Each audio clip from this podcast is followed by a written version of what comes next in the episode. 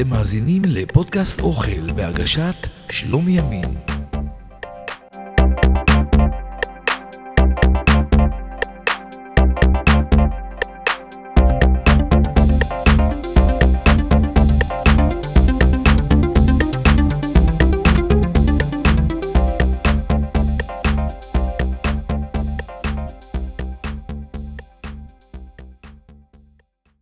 אני אוכל את השוקולד וטועם משהו שהוא לא שוקולד.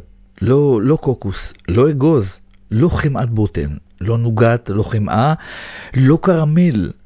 ואז אני מסתכל ומצאתי את כרטיס הזהב. אוגוסטוס. יש כאלה שאין להם מושג מאיפה המשפט הזה. אני אתן לכם עוד כמה שניות. נו, כן, כן, כן, אלה שצעקו בקולי קולות צ'ארלי בממלכת השוקולדה צדקו. זה אולי הסיפור הכי מפורסם בעולם שעוסק בשוקולד. על פנטזיות והגשמתן, על מפעל דמיוני ומדהים לייצור שוקולד עם עובדים קטנים ומוזרים ומנהל עוד יותר משונה ומסתורי, שמחליט יום אחד לפתוח את שערי המפעל בפניהם של חמישה ילדים מאושרים שימצאו את כרטיס הזהב שמוטמן בתוך אפיסת השוקולד שהם יקנו. ומה שעובר על הילדים בתוך המפעל הזה, בתוך המפעל הזה, יגלה רק מי שקרא את הספר. אני לא הולך לספר לכם את כל הספר כולו, כמובן. לא אלאה אתכם עם הסיפור, כמו שאומרים. מי שמכיר, מכיר, ומי שלא מכיר, אני ממליץ בחום רב לקרוא את הספר ולראות את הסרט לפי הסדר שתיארתי. קודם כל הספר, ואחר כך הסרט.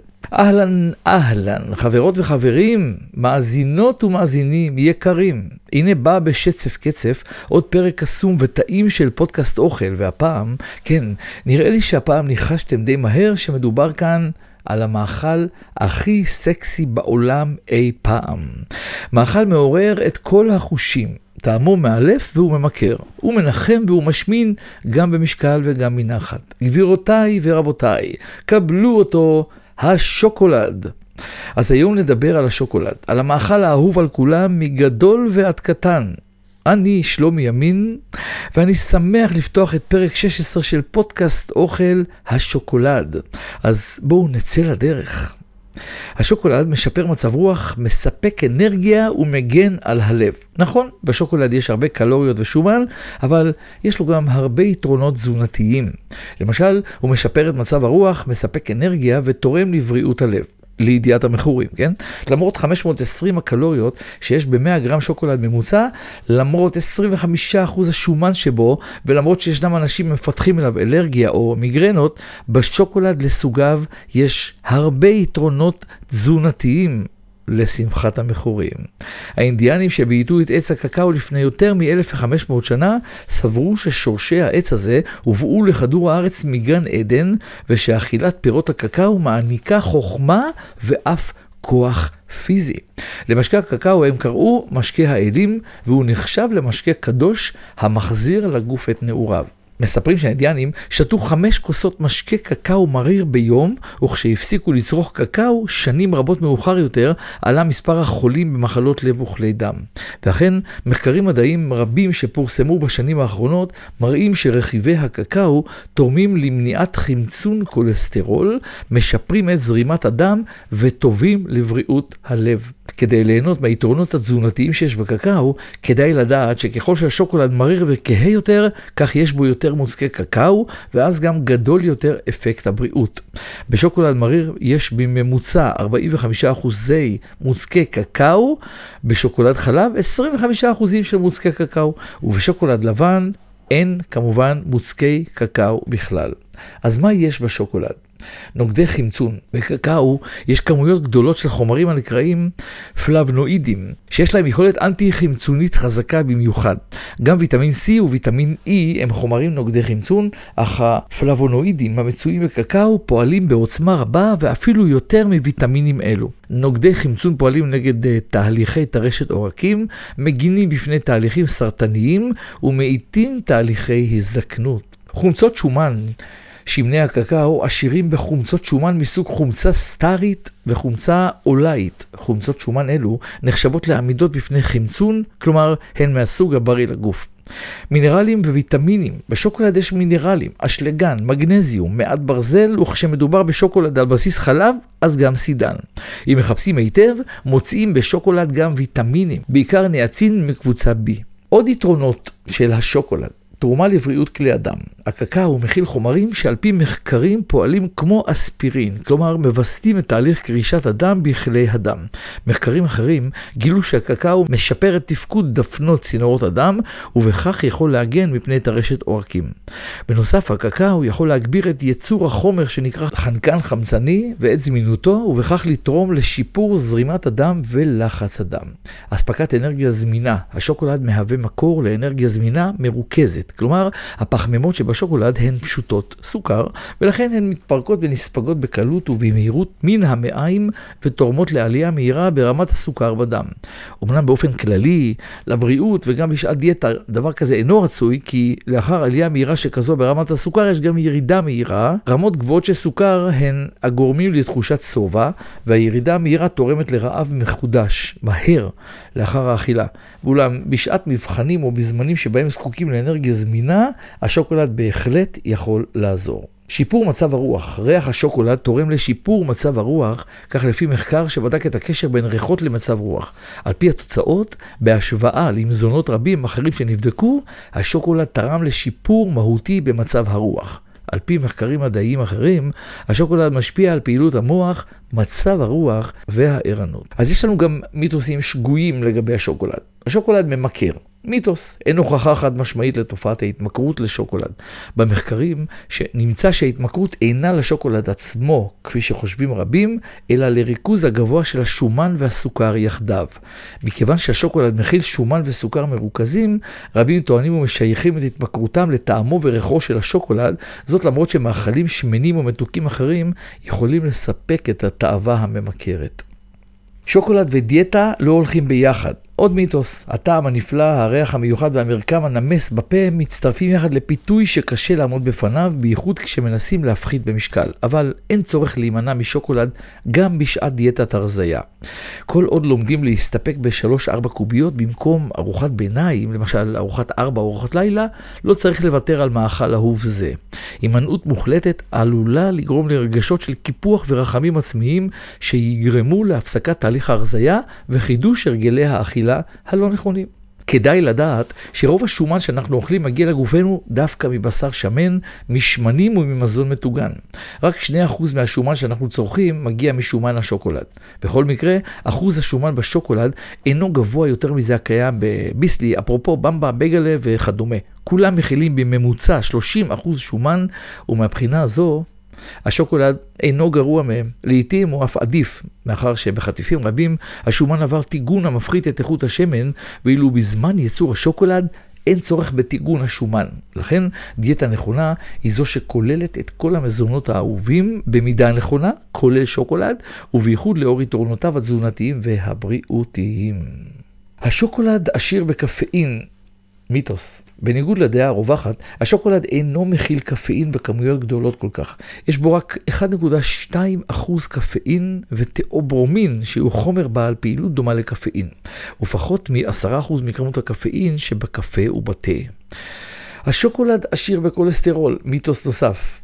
השוקולד מכיל כמויות מזעריות של כולסטרול, וגם זאת רק אם יש בו חלב. בנוסף, על פי מחקר שפורסם לאחרונה, משקה קקאו אינו משפיע לרעה על רמת הכולסטרול בדם, למרות השומן הרווי שיש בחלב.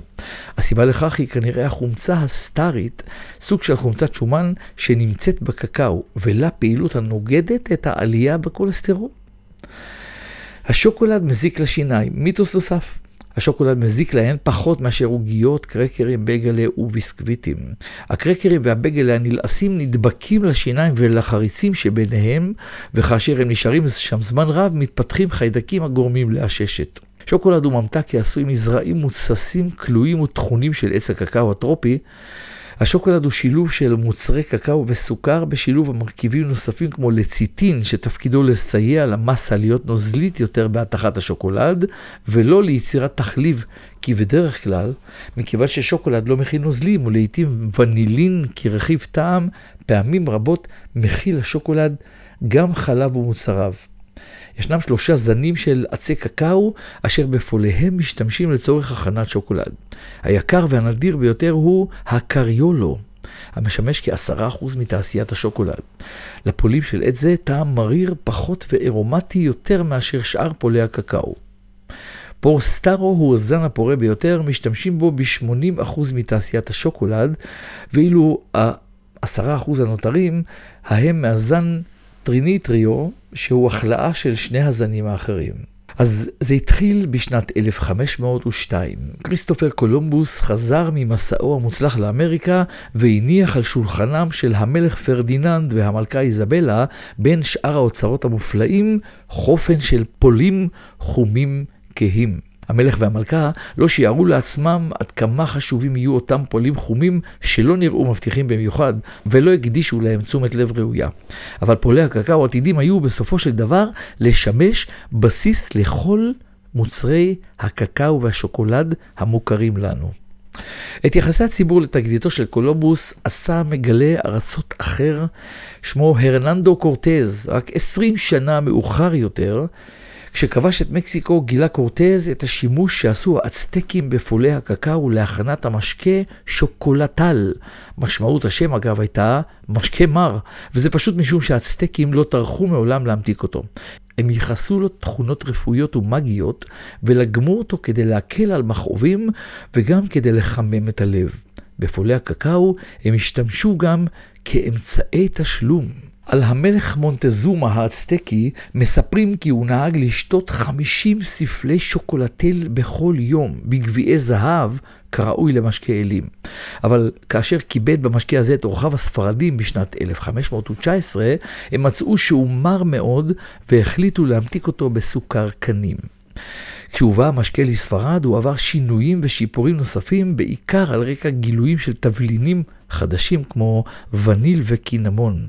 הוא הלך וחבש לבבות, בייחוד בקרב האריסטוקרטיה הספרדית. מטעי הקקאו שנטעה האימפריה הספרדית בכל הקולוניות שלה הפכו לעסק פורח ומשגשג.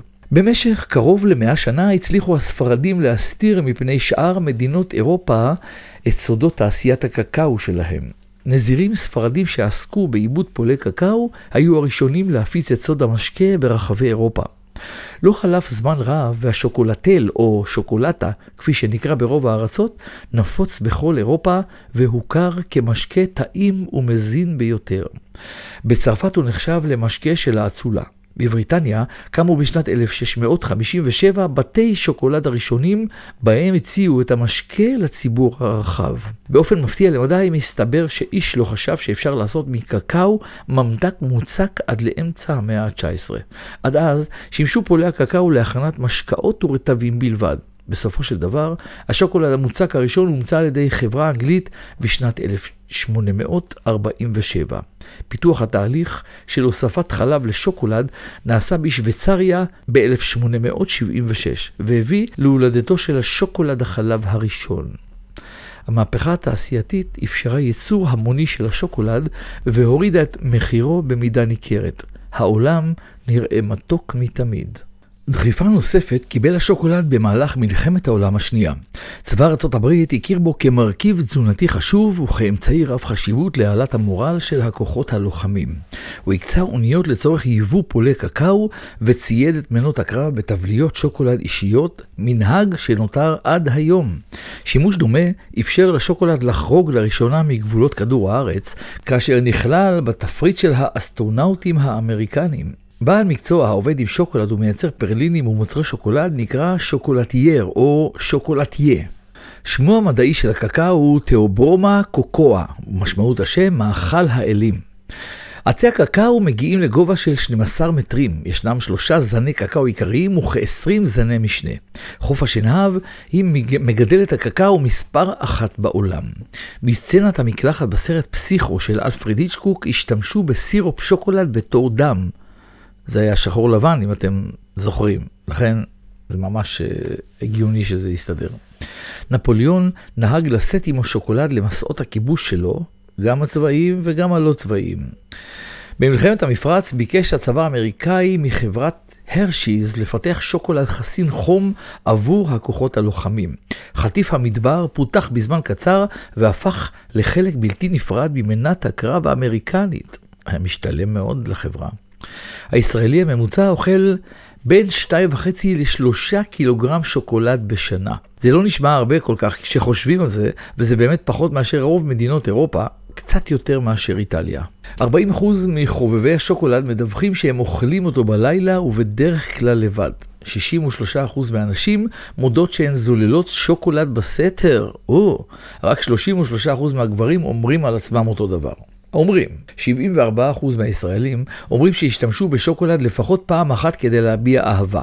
זה בהשוואה לכ-87% מהאמריקאים שהביעו את האהבה באמצעות השוקולד. אולי משום שבומבוניירה איכותית היא המתנה הפופולרית ביותר, שכמובן מגיעה עם פרחים ליום של ולנטיינס דיי. אולי. מחקרים עדכניים מוכיחים כי השוקולד מיטיב עם הבריאות. אכילת שוקולד, אה, כמו שאמרנו, משפרת את מצב הרוח, מונעת דיכאון, משפרת את פעילות הזיכרון, ומחקרים לא מצאו שום קשר לאקנה. אז בני נוער יכולים להמשיך לאכול שוקולד, כי זה לא, לא ישנה את מצב האקנה לרעה או לטובה. תשעה אנשים מכל עשרה אוהבים שוקולד. העשירי תמיד משקר. פולי הקקאו גדלים על עצים גבוהים, כמו שאמרנו, עד 12 מטרים ויותר, שבית גידולם הטבעי הוא יערות הגשם בברזיל ובאזורים טרופיים נוספים, בעיקר במרכז ודרום אמריקה ובאפריקה. פרי קקאו אחד מכיל עשרות רבות של פולים. לאחר הקטיף, מפזרים אותם על האדמה ומשאירים למשך שבוע בחום של כ-50 מעלות צלזיוס. במהלך השבוע הזה מתחולל בפולים תהליך קימי שמשנה את טעמם. בשלב הבא מקלפים את הפולים וכולים אותם. מהפולים הכלואים יוצרים עיסת קקאו שעם אבקת חלב, סוכר ומרכיבים נוספים יוצרים את בצק הקקאו ממנו מכינים את מוצרי הקקאו והשוקולד שאנו מכירים. המרכיבים הנוספים הם לרוב סודות תעשייתיים שמורים ביותר המעניקים לכל שוקולד את ייחודו. את בצק הקקאו טוחנים להפקת קקאו המוכנסת למכל ענק שמסתובב במשך שעות ארוכות. בסיום התהליך, האבקה הופכת לנוזל הסמיך ממנו מכינים את טבלאות השוקולד, הציפויים, החטיפים והמתוקים מתוקים האלה. מפעל ממוצע לייצור שוקולד נראה יותר מהכל כמו מעבדה מדעית סטרילית ועתירה בציוד מתקדם. ואכן, זו תעשיית הייטק לכל דבר מבחינת הטכנולוגיות החדשות, מורכבות הציוד, הדיוק הדרוש, הסטריליות וההקפדה על תהליכי בקרת האיכות, סודות הייצור השמורים ורישום פטנטים. בתעשיית השוקולד של היום, לא רק שמות המותגים זוכים להגנה משפטית, אלא גם הצורה הייחודית של כל מוצר. משולשי השוקולד של הטובלרון המפורסם למשל, מוגנים בחוק.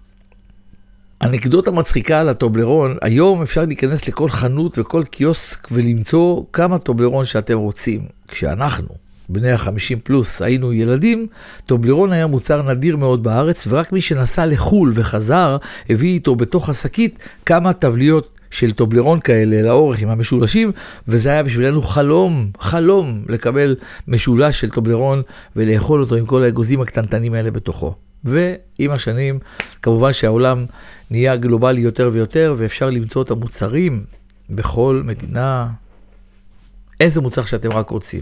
אין שפע שומר על מתכונה בקנאות הדומה לזו בה שומר יצרן השוקולד על נוסחאות הייצור המיוחדות למפעל שלו, נוסחאות ערבוב הפולים, פרקי הזמן המוקדשים לכל שלב התהליך, הטמפרטורות והמינונים של המרכיבים השונים. בתוך המפעל נמצאות מעבדות מיוחדות בהן בודקים אנשי מקצוע כל שלב ושלב בתהליך הייצור, מחומר הגלם ועד למוצר המוגמר.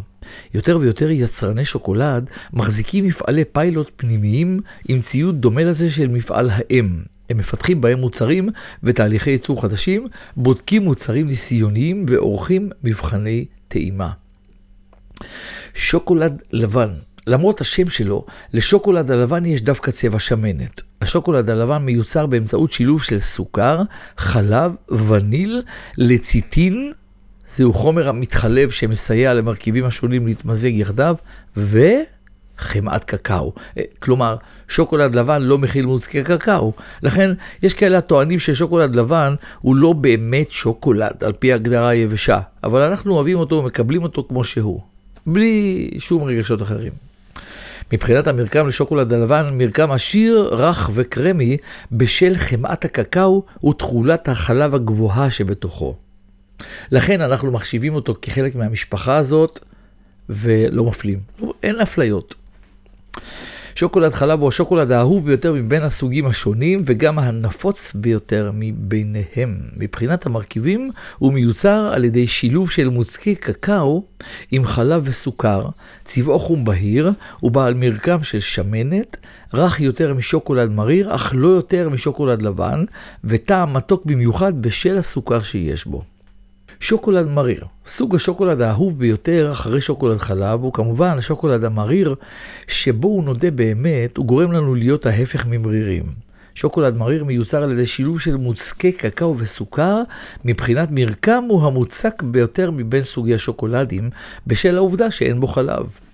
ככל שאחוז מוצקי הקקאו גבוה יותר, כך השוקולד יהיה מריר יותר ויכיל פחות סוכר. אחוז מוצקי הקקאו בשוקולד מריר נע בדרך כלל בין 40% ל-70%. שוקולד מריר מעולה לאפייה ומעניק טעם עשיר ושוקולדי במיוחד. כמו כן, מבחינת יתרונות בריאותיים, הוא סוג השוקולד המומלץ ביותר, וכל מה שדיברנו עליו בתחילת הפרק של הפודקאסט, הוא ממש יותר מתאים לשוקולד מריר, מבחינה בריאותית כמובן. ממרח בטעם שוקולד או שוקולד למריחה הוא ממרח הנאכל לרוב כשהוא מרוח על לחם ומאפים דומים כגון לחמניה או פיתה. לעתים הוא משמש גם כמילוי למאפים מתוקים ולעוגות. ממרח בטעם שוקולד הוא מוצר האהוד בעיקר על ילדים ומשמש מילוי נפוץ לכריכים עבורם. למרות שלממרח השוקולד טעם, ריח וצבע כמו ששוקולד, הוא אינו מתמצק. הממרח כולל סוכר, שמן, שומן רווי, שומן מנהג צומח וקקאו, ועשוי להכיל גם חלב ומרכיבי טעם וריח נוספים. לעתים הוא כולל אגוזים או דבש. הממרח עובר במפעל תהליך של ערבוב החומרים, טחינה, ולבסוף ערבוב סופי של 10 עד 12 שעות עד שמתקבל מרקם למריחה. שוקולד למריחה נמכר לרוב בצנצנות זכוכית או מכלי פלסטיק. סוג ממרחי שוקולד נפוצים בישראל, שוקולד שטראוס, ממרח שוקולד השחר העולה, ממרחית, שוקולד נוטלה, ממרח שוקולד ללא תוספת סוכר של עילית, ממרח שוקולד אגוזי לוז מגה, ממרח קרם קקאו ואגוזים סופרסל, אבל אני אומר לכם, ואני לא חושב שאני מחדש לכם במיוחד, הממרח הכי, הכי, הכי נמכר בישראל, ולא יעזור לאף אחד מה שיגיד, זה הממרח של שוקולד השחר. מאז שאנחנו ילדים ועד היום, הוא לא מפסיק להימכר, והוא גם לא מתחדש. יצא לפעמים בתקופות של אה, יום העצמאות וכאלה, איזו אריזה כזו כחולה עם דגל ישראל וכולי, אבל אותו השוקולד נמכר עשרות שנים, ולא יורד מה... מכיסא המלוכה שלו כמובן. טובלרון הוא ממתק שוקולד המיוצר על ידי חברת קראפט שווייץ המסונפת לתאגיד קראפט העולמי. טובלרון מוכר בעיקר בגלל צורתו. גושי שוקולד דמויי משולש ומנסרה המסמלים את הר המטראורן שבהרי האלפים השוויצריים. נראה כמו הר, כמו פסגה של הר. כמו כן הוא ידוע באריזתו הצהובה ובצורתו המוארכת. הטובלרון הוכן לראשונה על ידי תיאודור טובלר ואמיל באומן בברן, שווייץ, ב-1907.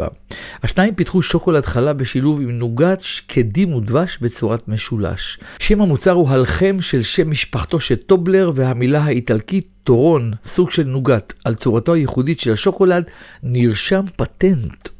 מאז שנות ה-70 של המאה ה-20 יוצרו גרסאות נוספות של הטובלרון, ביניהן טובלרון בטעם שוקולד חלב באריזה צהובה, בטעם שוקולד מריר באריזה שחורה, בטעם שוקולד לבן באריזה לבנה כמובן, בטעם אגוזים וצימוקים באריזה צהובה סגולה, בטעם יערת דבש פריחה באריזה צהובה לבנה. גודל החטיף נע בין 10 סנטימטרים ועד למטר. שימו לב, כבר אני ראיתי גושי טובלרון עטופים בגדלים של חצי מטר ויותר. פסגה בודדת של טובלרון נקראת אלפ, יחיד של אלפים, בציור המטרה-הורן שעל האריזה חבוי איור של דוב, שימו לב, המרמז על עיר הולדתו של טובלר, ברן. למה הסינים לוקחים לנו את השוקולד? מה האסייתים רוצים? הם רוצים קקאו. כשמדינות של מיליארד בני אדם נכנעות לגלובליזציה ומתחילות לזלול שוקולד, מחירי הקקאו בכל העולם עולים. האם בקרוב שוקולד יהיה מוצר לעשירים בלבד, כמו שמפניה וקוויאר?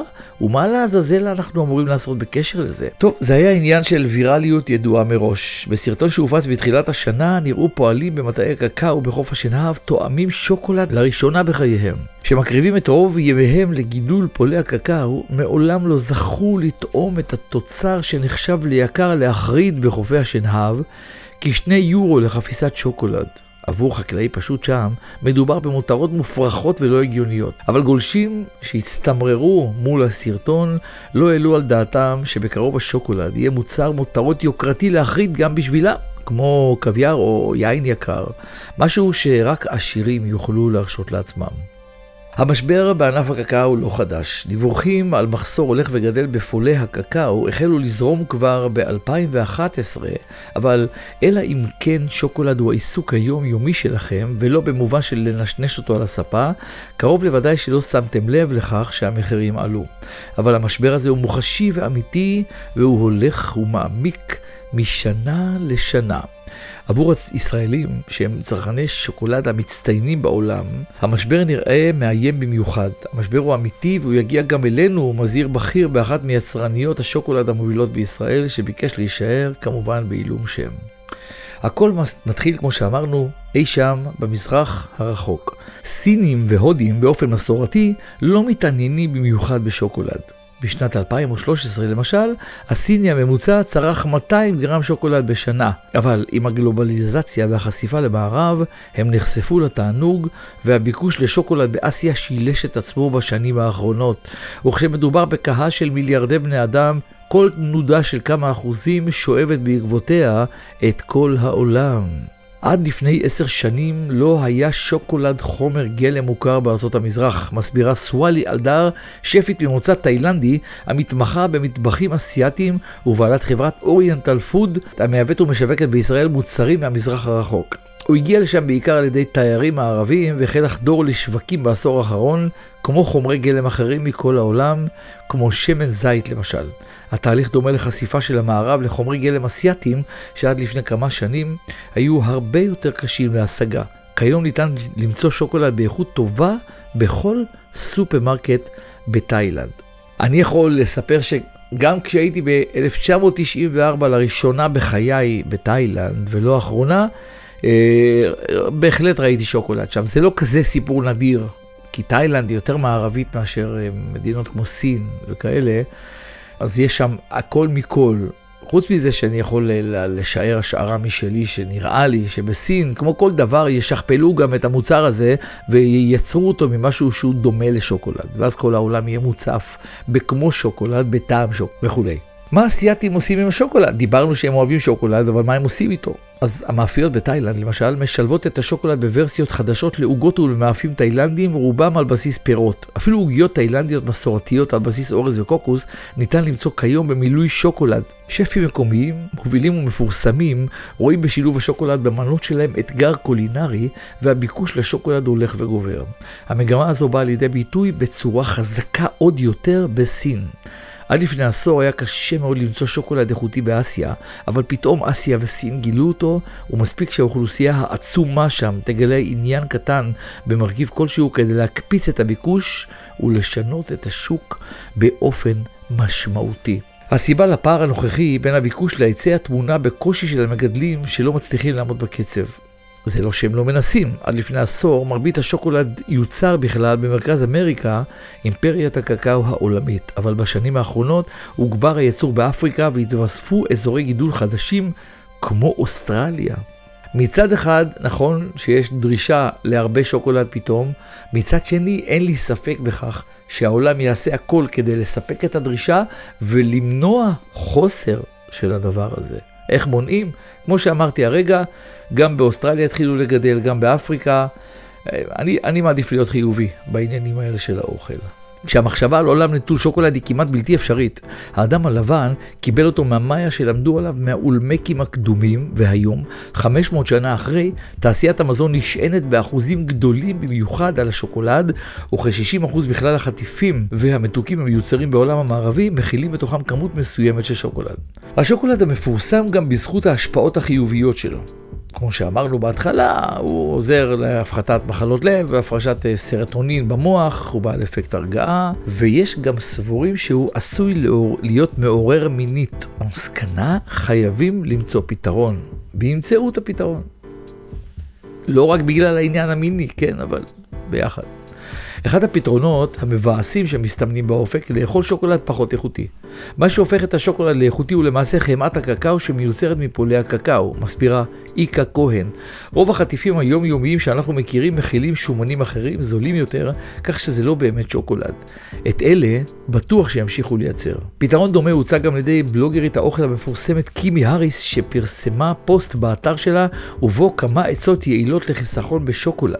בין היתר, היא מציעה לאכול שוקולד איכותי יותר לעיתים רחוקות יותר. אחרי הכל, ככל שהאיכות טובה יותר, כך תזדקקו לפחות שוקולד. אבל שוקוהוליקים ברחבי העולם הזדעזעו מהמחשבה שצריכה מופחתת.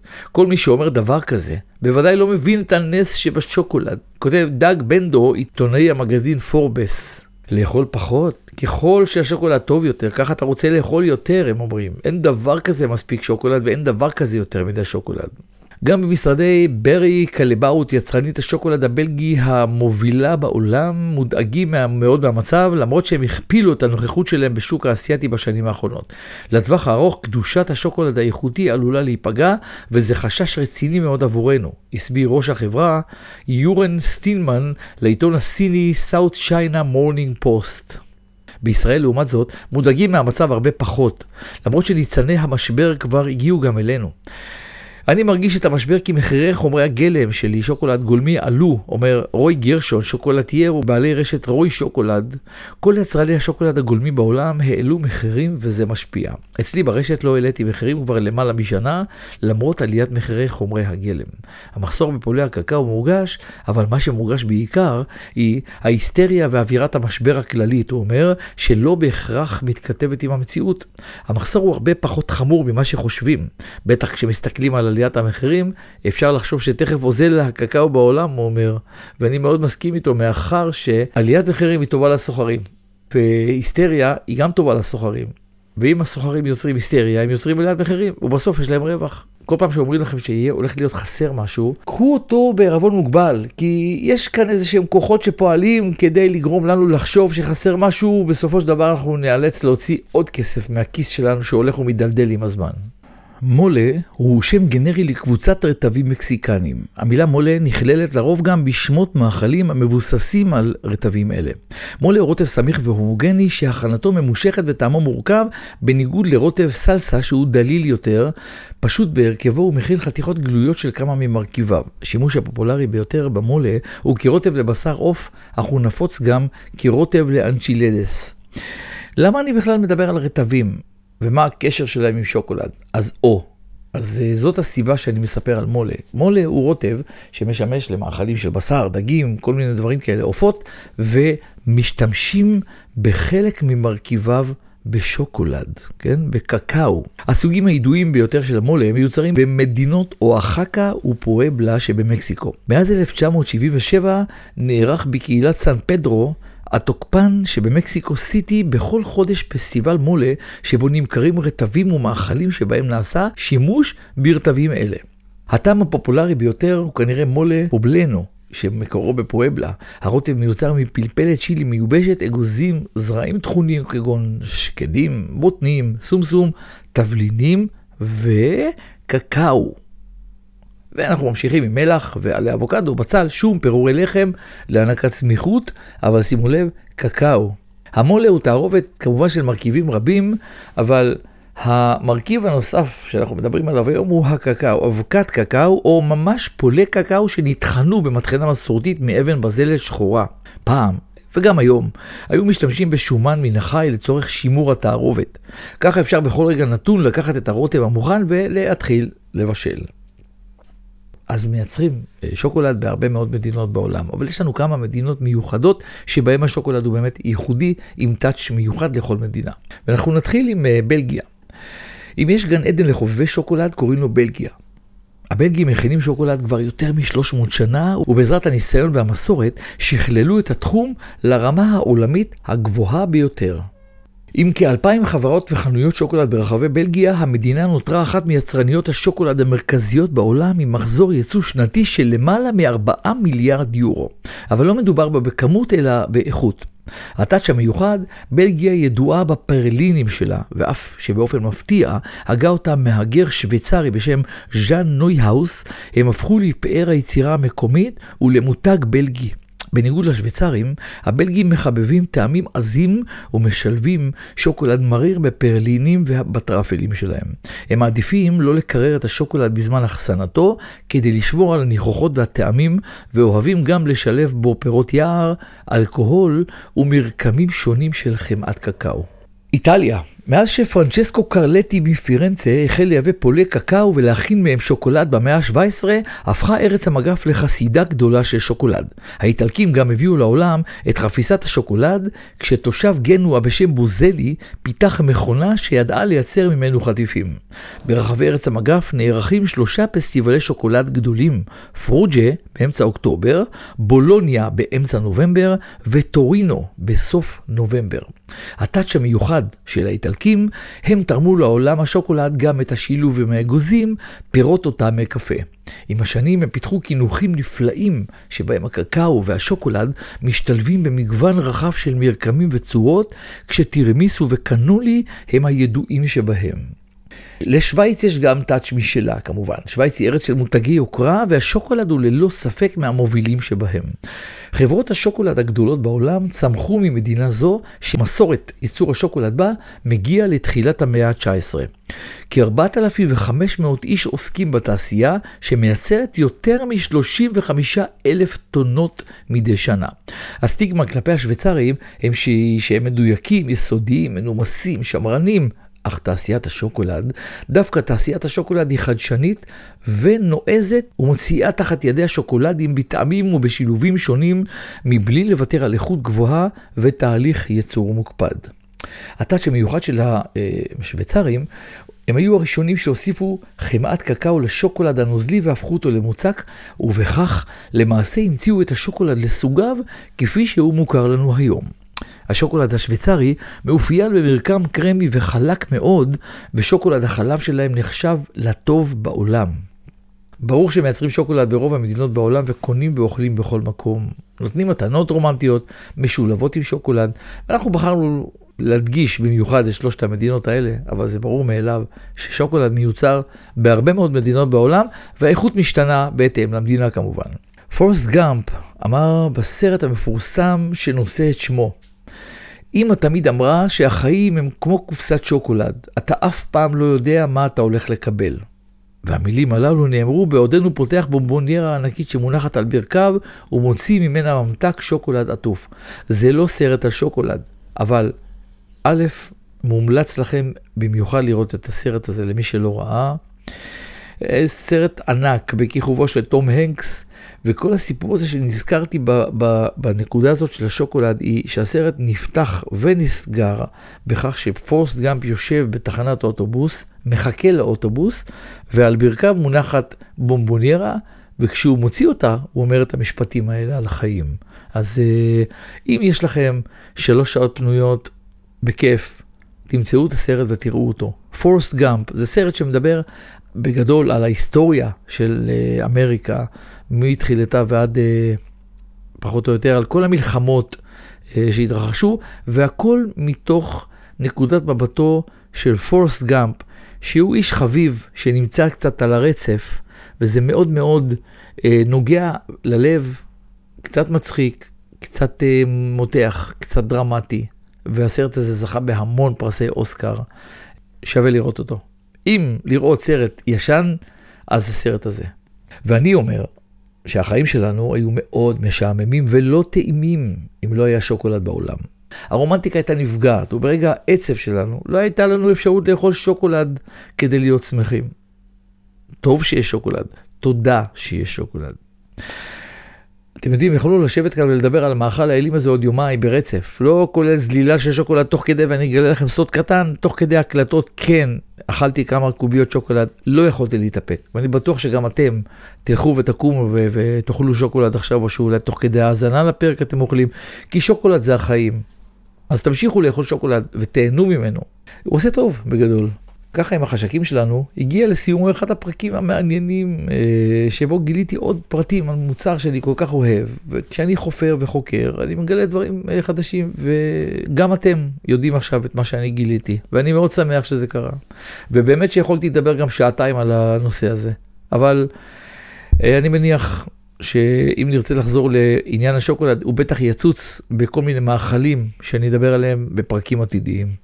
ואני רוצה להגיד לכם תודה רבה מעומק הלב על הסבלנות שלכם ועל, ה... ועל ההקשבה ועל זה שהגעתם איתי עד לכאן, לכל מי שהגיע כמובן.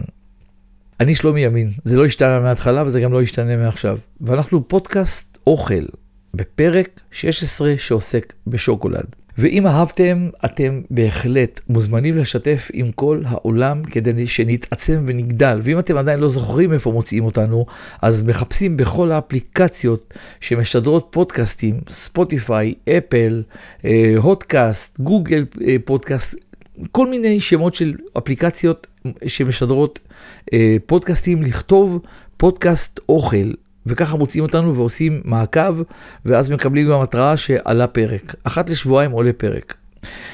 אה, גם ביוטיוב, אה, פודקאסט אוכל נמצא, ותחת החיפוש פודקאסט אוכל, אני בטוח שאתם תמצאו אותו, יש שם ביוטיוב אה, פלייליסט של כל הפרקים, ובכל פעם שיוצא פרק חדש, זה מתווסף לפלייליסט. אפשר לחפש ש... שלומי ימין באנגלית, להגיע לערוץ היוטיוב שלי, אפשר לחפש פודקאסט אוכל. אתם תמצאו, אני בטוח שאתם תמצאו. אם הגעתם עד לכאן, אני בטוח שאתם uh, גם יודעים למצוא אותי בכל מקום שצריך. וזהו, ואני רוצה לאחל לכם, שיהיה לכם רק טוב בכל אשר תלכו. אנחנו נפגשים כאן בעוד שבועיים עם פרק חדש ועם נושא חדש. תודה רבה רבה. שלום ולהתראות.